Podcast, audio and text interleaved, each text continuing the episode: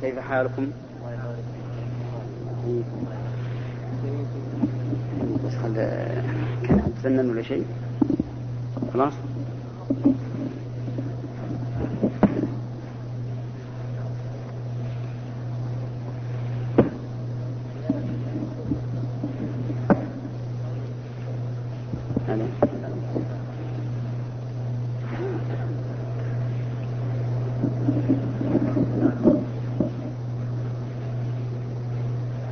نعم إلا ما في ما في بأس في أسئلة بعد الدرس. بسم الله الرحمن الرحيم. الحمد لله رب العالمين.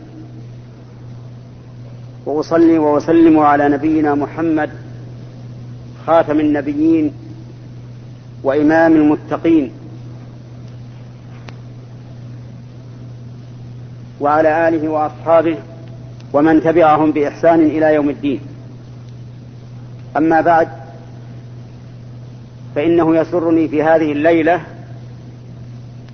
ليلة السبت الموافق للثامن عشر من شهر رجب عام أحد عشر وأربعمائة وألف من هجرة النبي صلى الله عليه وسلم أن ألتقي بإخواني هنا في المسجد النبوي في المدينة المنورة. وأسأل الله تعالى أن يجعله لقاء مباركا نافعا. وإنه ليحزنني أن يكون اللقاء في هذا الوقت الذي تضخمت فيه الأحداث في منطقتنا منطقة الوحي في الجزيرة العربية التي يجب أن تكون الأمة الإسلامية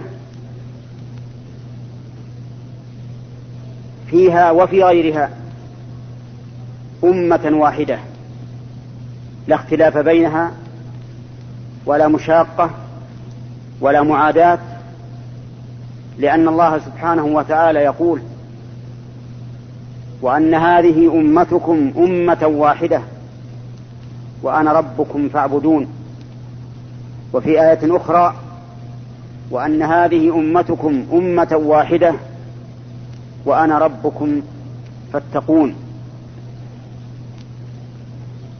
ويقول الله عز وجل مخاطبا نبيه محمدا صلى الله عليه وسلم إن الذين فرقوا دينهم وكانوا شيعا لست منهم في شيء إنما أمرهم إلى الله ثم ينبئهم بما كانوا يفعلون.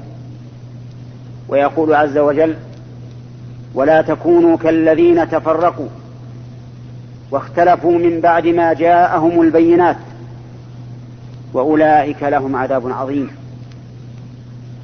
وما كان أحد يصدق ونحن في هذا العهد المبارك عهد الصحوة الإسلامية لا أحد يصدق أن تكون النزاعات بيننا تصل إلى حد النزاع المسلح الذي يقفز الإنسان إلى الآخر ليقتله ويريق دمه إنها والله لمحنة لمحنة عظيمة أن تقع في مثل هذا العصر في مثل هذا العهد المبارك الذي نرى فيه طلائع الصحوة الإسلامية في كل مكان في هذه البلاد وفي جميع البلاد الإسلامية عربها وعجمها. ثم تحصل هذه الأحداث المؤلمة التي ليست إلا شماتة لأعدائنا بنا. وإنني في هذه المناسبة أود أن أتكلم حول هذا الموضوع في نقاط أعددتها قبل قليل وهي ست نقاط ست بل سبع نقاط. النقطة الأولى ما جرى فإنه بقضاء الله وقدره. والنقطة الثانية أن ما جرى فإنه لحكمة بالغة لأن الذي قدره هو الله. النقطة الثالثة أسباب هذه هذا النزاع الذي أدى إلى ما نسمعه. والنقطة الرابعة نتائجه. والخامسة وجوب العلم قبل أن يتكلم المتكلم ووجوب العدل حينما يتكلم. والنقطة السادسة خطورة القول بلا علم. والنقطة السابعة أن الاندفاع وراء العاطفة يكون عاصفة.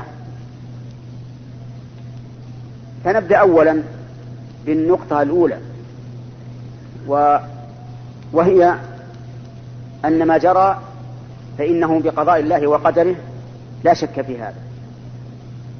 لأن الله تعالى يقول ما أصاب من مصيبة في الأرض ولا في أنفسكم إلا في كتاب من قبل أن نبرأها.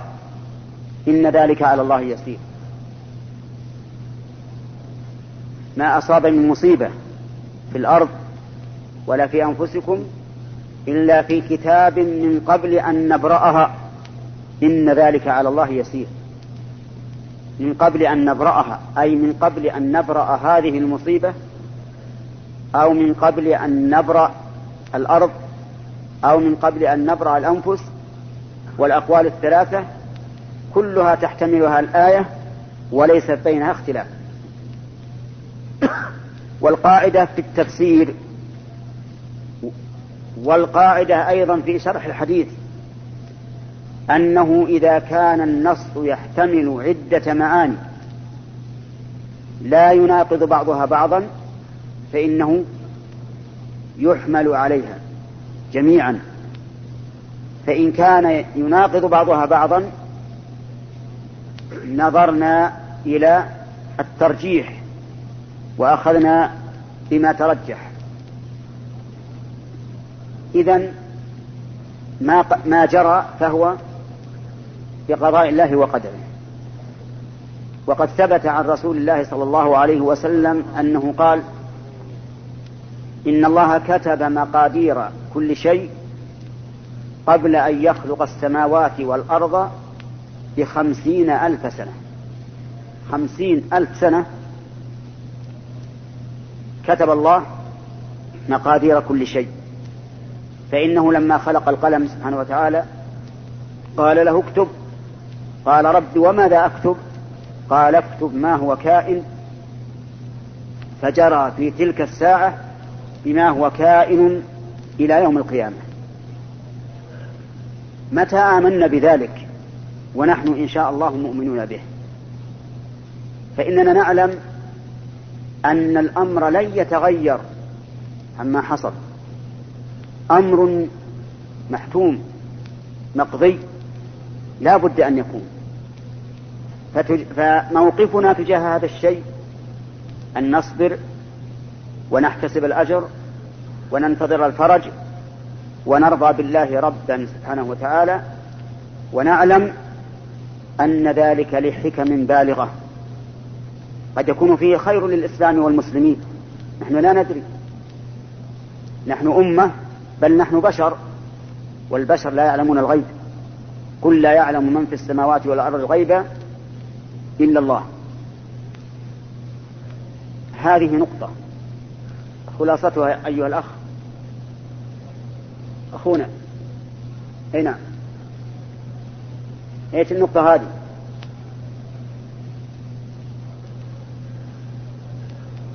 أن ما حصل فهو بقضاء الله وقدره. وأين الدليل؟ لو تقوم.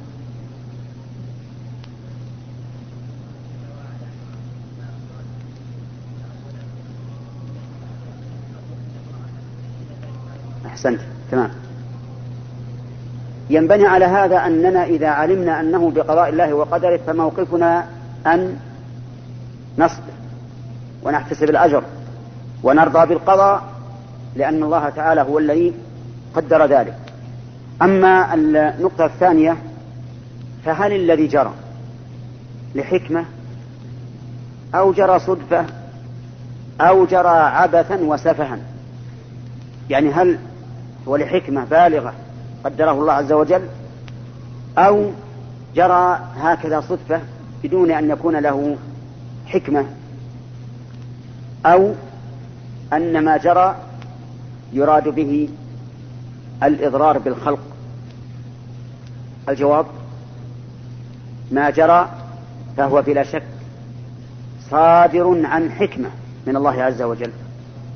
ولهذا تجدون أن الله عز وجل يقرن الأحكام الشرعية بالحكمة. قال الله تعالى آباؤكم وأبناؤكم لا تدرون أيهم أقرب لكم نفعا. فريضة من الله إن الله كان عليما حكيما. ولما ذكر أحكام نكاح الكفار للمؤمنات أو بالعكس قال ذلك حكم الله يحكم بينكم والله عليم حكيم. كل ما قدره الله. كل ما شرعه الله فإنه لحكمة. لكن نحن لقصورنا أو لتقصيرنا قد نجهل هذه الحكمة. إما أن تكون عقولنا قاصرة عن إدراك هذه الحكمة أو نكون أو نكون مقصر مقصرين في طلب الحكمة فلا تتبين لنا وربما تتبين لنا فيما بعد. المهم أنه يجب علينا أيها الإخوة أن نعلم علم اليقين أن ما جرى فإنه إيش؟ لحكمة بلا شك. حكمة بالغة. وعسى أن تكرهوا شيئا وهو خير لكم. والله يعلم وأنتم لا تعلمون. لكن علينا أن نصبر. علينا أن نصبر حتى ننظر النتائج. وأن لا نتعجل. أما المسألة الثالثة فأسباب هذا الذي جرى. ما هو أسباب هذا الذي جرى؟ الأسباب فيما أرى تنقسم إلى قسمين. أسباب شرعية محققة لا أشكال فيها. وأسباب كونية قدرية. يحوم حولها احتمالات متعددة ونذكرها إن شاء الله. ما هي الأسباب الشرعية التي اقتضت هذه المحنة وهذه الفتنة؟ أسبابها المعصية المعاصي المعاصي التفريط في الواجبات انتهاك المحرمات. فالأمة الإسلامية لا شك أنها مفرطة في مسائل كثيرة. في الأمة الإسلامية من لا يصلي؟ ويقول إنه مسلم. في الأمة الإسلامية من يسخر بالمصلين. وحفيظة نفوس مكتوب فيها مسلم. وهو يسخر بالمصلين. في الأمة الإسلامية من يستبيح الربا. من يستبيح الربا ويرى أنه حلال. وأنه ثروة اقتصادية وهي ثروة مدمرة. في الأمة الإسلامية من يبيح الخمور تباع الخمور في الأسواق وتختزن في الثلاجات وكأنها شراب مباح. في الأمة الإسلامية من يحكم بغير شرع الله بالرشوة بالمحاباة. لقرابة أو لغير ذلك ولهذا كانت الأمة الإسلامية هي التي تسببت لهذه الحادثة أو لما هو أعظم منها. واستمع إلى قول الله عز وجل وما أصابكم من مصيبة فبما كسبت أيديكم ويعفو عن كثير. وما أصابكم من مصيبة فبما كسبت أيديكم ويعفو عن كثير. وقال تعالى ظهر الفساد في البر والبحر.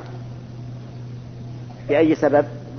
بما كسبت أيدي الناس ليذيقهم بعض الذي عملوا لعلهم يرجعون.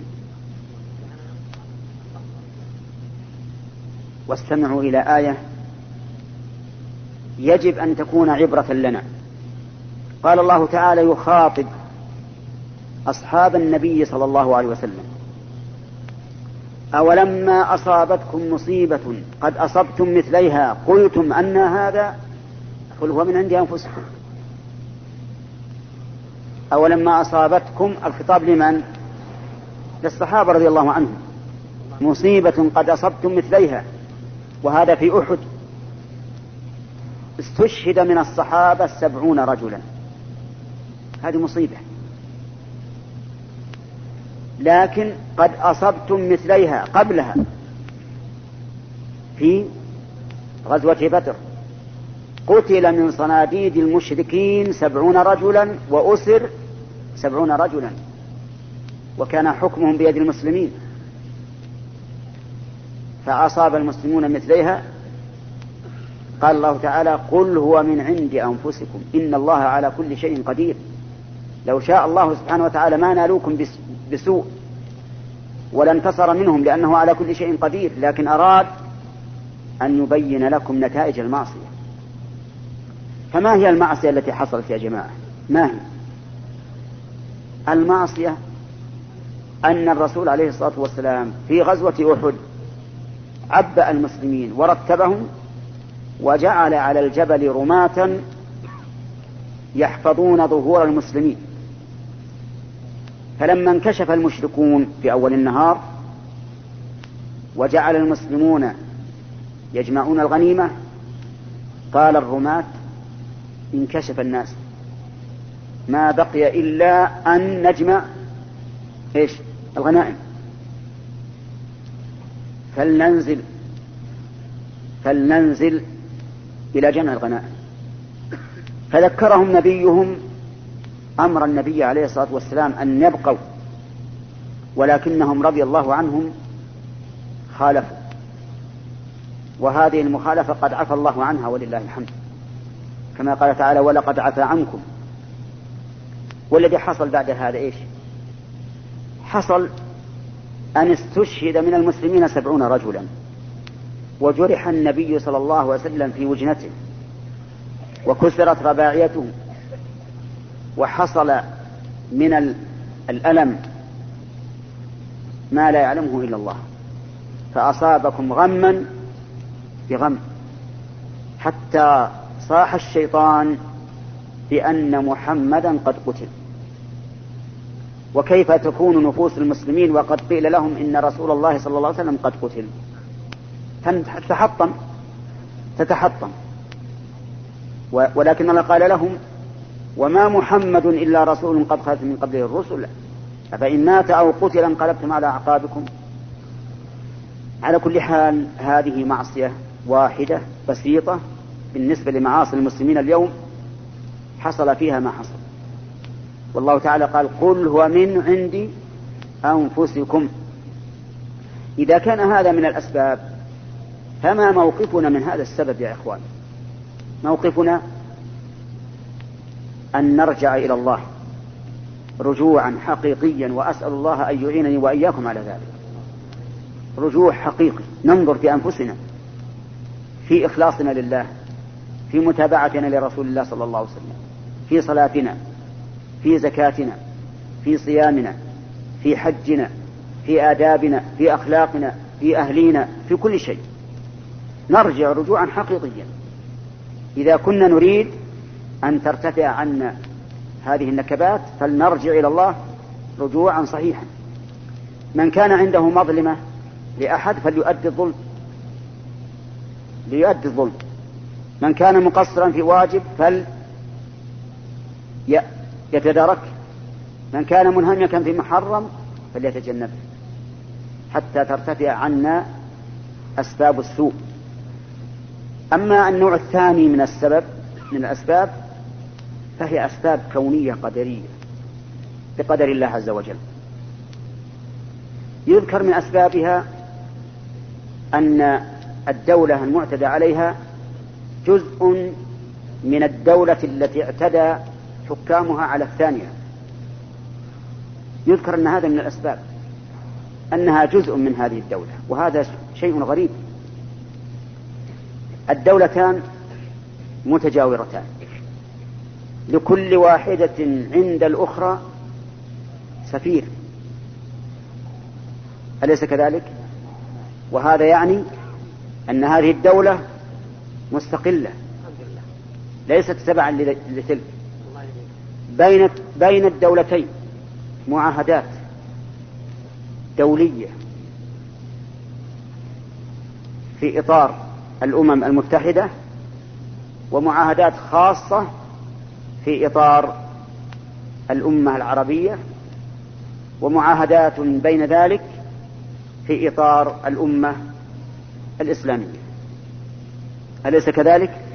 إذا لو كان بين المسلمين وبين الكفار عهد فهل يجوز للمسلمين أن يعتدوا على المعاهدين من الكفار؟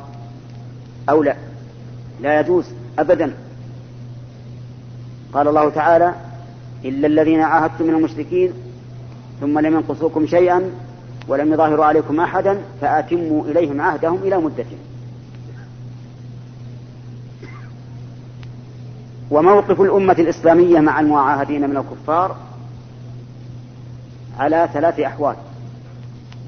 إما أن ينقض الكفار العهد وحينئذ نقاتلهم.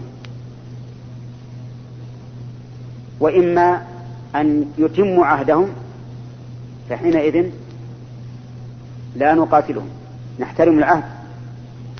لأن المسلمين أوفى الأمم بالذمم. وإما أن نخاف من وإما أن نخاف منهم الخيانة. فما موقفنا إذا خفنا الخيانة من المعاهدين؟ إيش؟ وإما تخافن من قوم خيانة فانبذ إليهم على سواء. ولا قال انقض العهد. انبذ إليهم على سواء. قل إن العهد الذي بيننا وبينكم ملغى. هذا مع أنهم كفار. فما بالك إذا كان الشعب مسلما؟ الشعب مسلم في هذا وهذا. كيف يحق لنا أن نعتدي على شعب مسلم بيننا وبينه الأخوة الإسلامية والعهود والمواثيق الدولية العامة والخاصة. إذا يكون الاعتداء في هذه الحال ظلما أم عد أو عدلا أو عدلا؟ أجيبوا يا جماعة. ظلما. يكون ظلما. وإذا كان ظلما فإن, ألو... فإن الواجب علينا أن ننصر إخوتنا سواء كانوا ظالمين أو مظلومين. قال النبي عليه الصلاة والسلام انصر أخاك ظالما أو مظلوما. قالوا يا رسول الله هذا المظلوم فكيف نصر الظالم؟ قال تمنعه من الظلم فذلك نصره. أو قال فذلك نصره إياه. إذا السبب الكوني القدري هو ما قيل من أن هذه من أن الدولة المعتدى عليها جزء من الدولة المعتدية وقد تبين بمقتضى الدين الإسلامي وبمقتضى المواعيد المعاهدات الدولية العالمية أنها ليست جزءا منها أنها ليست جزءا منها. حتى لو فرض أنها في غابر الأزمان كانت منها فإن إقرار الدول المتتابعة بأنها مستقلة يمحو ما سبق. يمحو ما سبق. ولو أردنا أن نرجع إلى التاريخ القديم الذي تغيرت فيه الحدود بين الدول لحصل في ذلك ارتباك في كل الدول. ليس في هذه هذه الدولة وهذه بل في دول عظيمة وأمم كبيرة. ولكان كل بقعة ولو صغيرة تدعي ما تدعيه بناء على أمر سابق. في عهد قديم تغيرت فيه. الأحوال إذا السبب الأول الشرعي ما هو دواؤه؟ ما دواؤه؟ التوبة إلى الله لأن الله سبحانه وتعالى قال فلولا إذ جاءهم بأسنا تضرعوا ولكن قست قلوبهم وزين لهم الشيطان ما كانوا يعملون فهذا يدل على أننا لو تضرعنا إلى الله لرفعه عنا أما السبب الثاني فدواؤه أن تعاد الأمور إلى حالها من قبل ويقال للدولة المعتدى عليها هذه حدودك ولا عدوان وبهذا تنحل المشكلة وينتهي كل شيء. إذا عادت الأمور إلى ما كانت إلى ما كانت عليه قبل هذا الحدث فإن الأمور ستنحل بسرعة. ستنحل بسرعة. ولا ولا إشكال في هذا. لأن ما كان مبنيا على سبب فإنه يزول بزوال السبب. فصارت صار السبب لهذا النزاع المسلح نوعان أو نوعين. الأول شرعي والثاني قدري سلط الله بعض الناس على بعض ودواء الأول الشرعي عرفناه وكذلك دواء الثاني. أما النقطة العاشرة الرابعة الخامسة الثالثة متأكدون؟ طيب. الرابعة نتائج هذا الأمر. نتائج ما حدث يا جماعة. إيش النتائج؟ النتائج وخيمة جدا جدا. أولا حمل السلاح من بعضنا على بعض. لو كنا نحمل السلاح على أعداء لنا حقيقة يناصبون العداوة من قبل. كاليهود مثلا لكان هذا على العين والرأس. لكن المشكل أننا صرنا إيش؟ يحمل السلاح بعضنا على بعض. وهذه من أسوأ النتائج. يعني كأن الواحد منا يفرح أن يفقد من حمل السلاح عليه. أليس كذلك؟ كل واحد من حامل السلاح يريد قتل أخيه. كل واحد يريد قتل أخيه. وهذه نتيجة سيئة. للغاية. ثانيا تفرق الأمة الإسلامية والأمة العربية. كما هو كما تعلمون من أكثر مما أعلم في هذا في هذا الأمر تفرق تشتت تفكك. حتى أصبح كل واحد ولا سيما على المستوى الحكومي يرى أنه عدو للآخر. بينما أن الواجب علينا أن نجعل كل واحد منا أخا للآخر. كلنا ننتمي إلى أي, إلى أي دين؟ إلى دين الإسلام. وفي الدائرة العربية ننتمي إلى جنس من بني آدم وهم العرب. فكيف حصل بهذه الفتنة أو بهذه المحنة؟ تفرقنا. تفرقنا. حتى كان الإنسان يسمع من بعض الجهات ما يكدره من الحملات الإعلامية. وليتها كانت مثلا من من الحكومات حكومات أمرها غريب سياستها غريبة لكنها صارت من جهات معينة يتقرب الإنسان إلى الله سبحانه وتعالى بمحبة المخلصين منها. فصاروا يتكلمون كلاما كثيرا. قد يكون قد يؤدي إلى تمزق الأمة الإسلامية.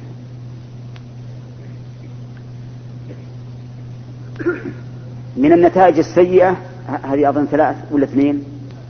طيب من النتائج السيئة أننا نسينا قضايا هامة في الإسلام ما هي؟ كقضية فلسطين مثلا.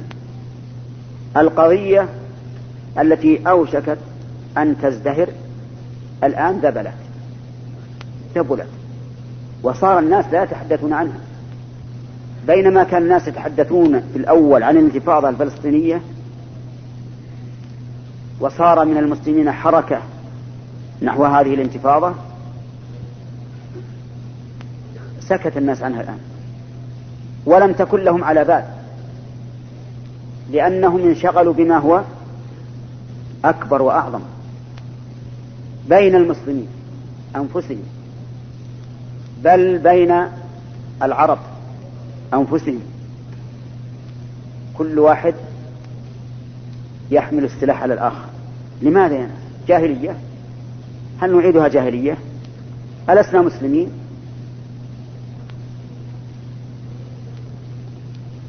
نسينا أيضا قضية إيش؟ أفغانستان. نسيناها. وكأن لم يكن هناك شيء يسمى الجهاد الإسلامي في أفغانستان. نسيت.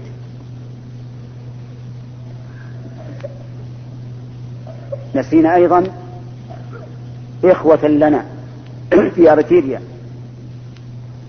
يريدون أن يقيموا جهادا إسلاميا حتى يحرروا هذه البقعة من العالم من الكفر. هذا أيضا مثل. الجمعيات الكثيرة التي فيها إنقاذ المسلمين من الجوع والعري والعطش وهلاك الأموال كلها أيضا نسيت. لا بل نس بل نسي الإنسان كثيرا من أحواله الخاصة. طلبة العلم انشغلوا بهذه القضية عن الطلب. العباد انشغلوا بهذه القضية عن العبادة. يقوم الإنسان يصلي وهو يفكر ماذا حصل ماذا جرى.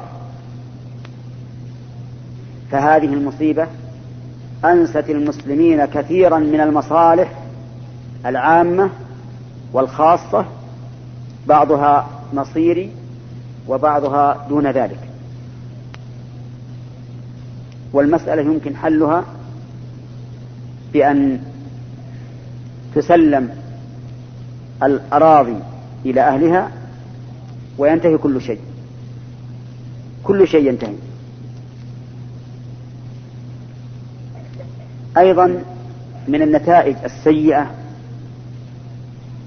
أن بعض الشعوب بعض الشعوب التابعة لحكومات تختلف سياساتها صارت تتبع هذه الحكومات. وهذا غلط عظيم. يجب أن الشعوب الإسلامية تكون واحدة. بقطع النظر عن سياسات الحكومات والدول.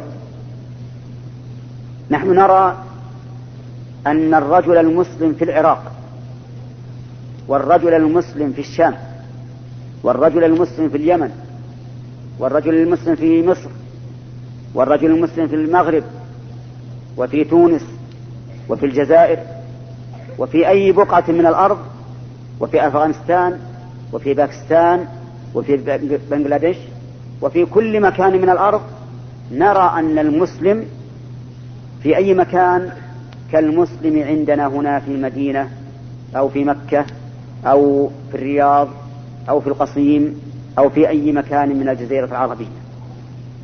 والله هذا الذي أدين الله به. وأعتقد أنكم كذلك مثلي. المسلم إيش؟ أخو المسلم.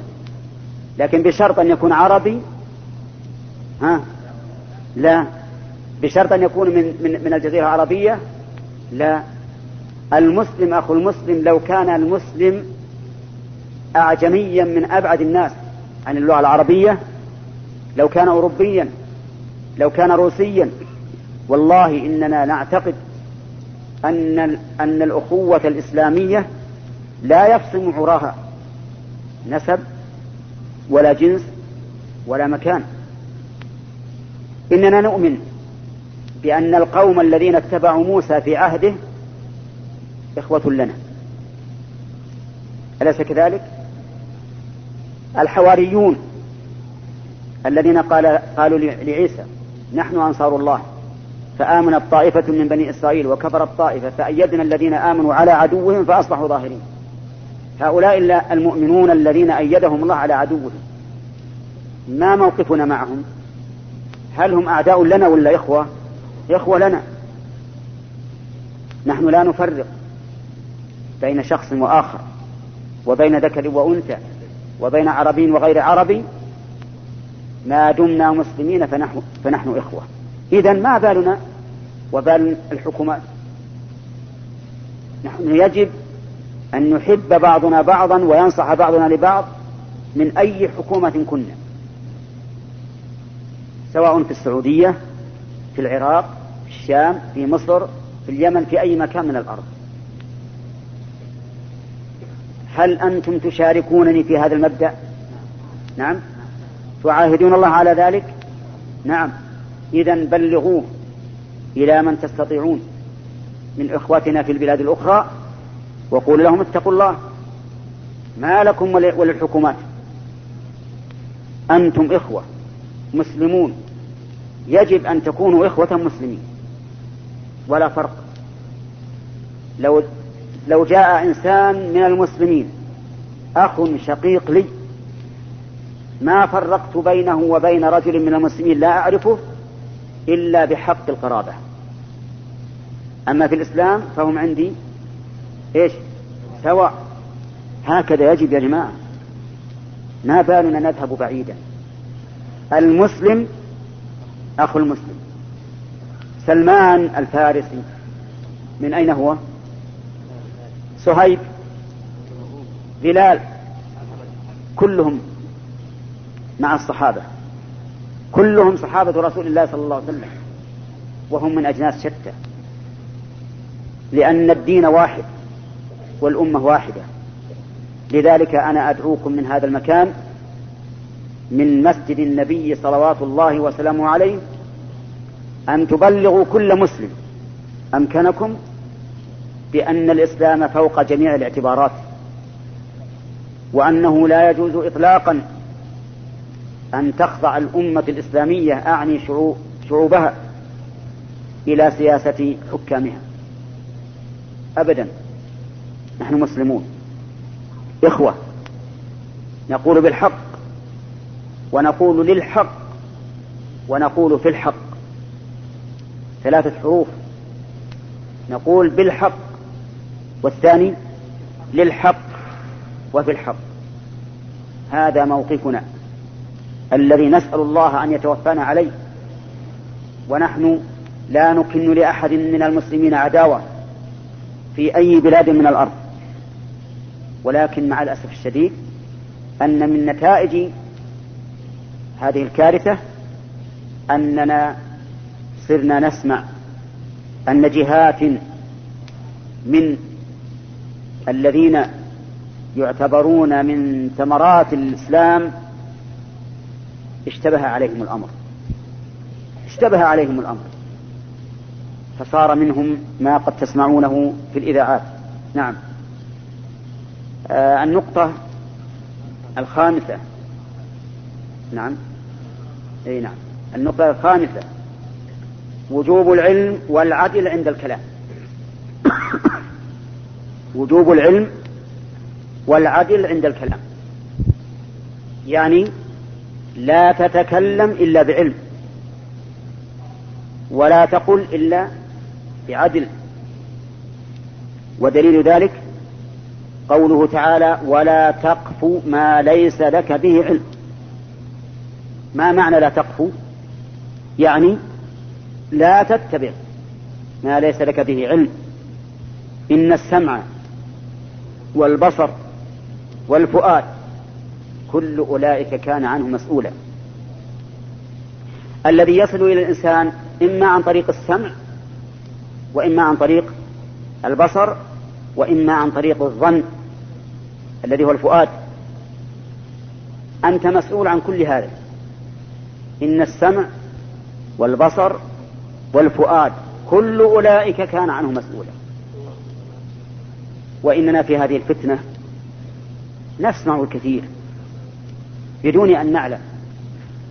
نسمع الكثير بدون أن نعلم. فلا يجوز للإنسان أن يتكلم إلا بعلم.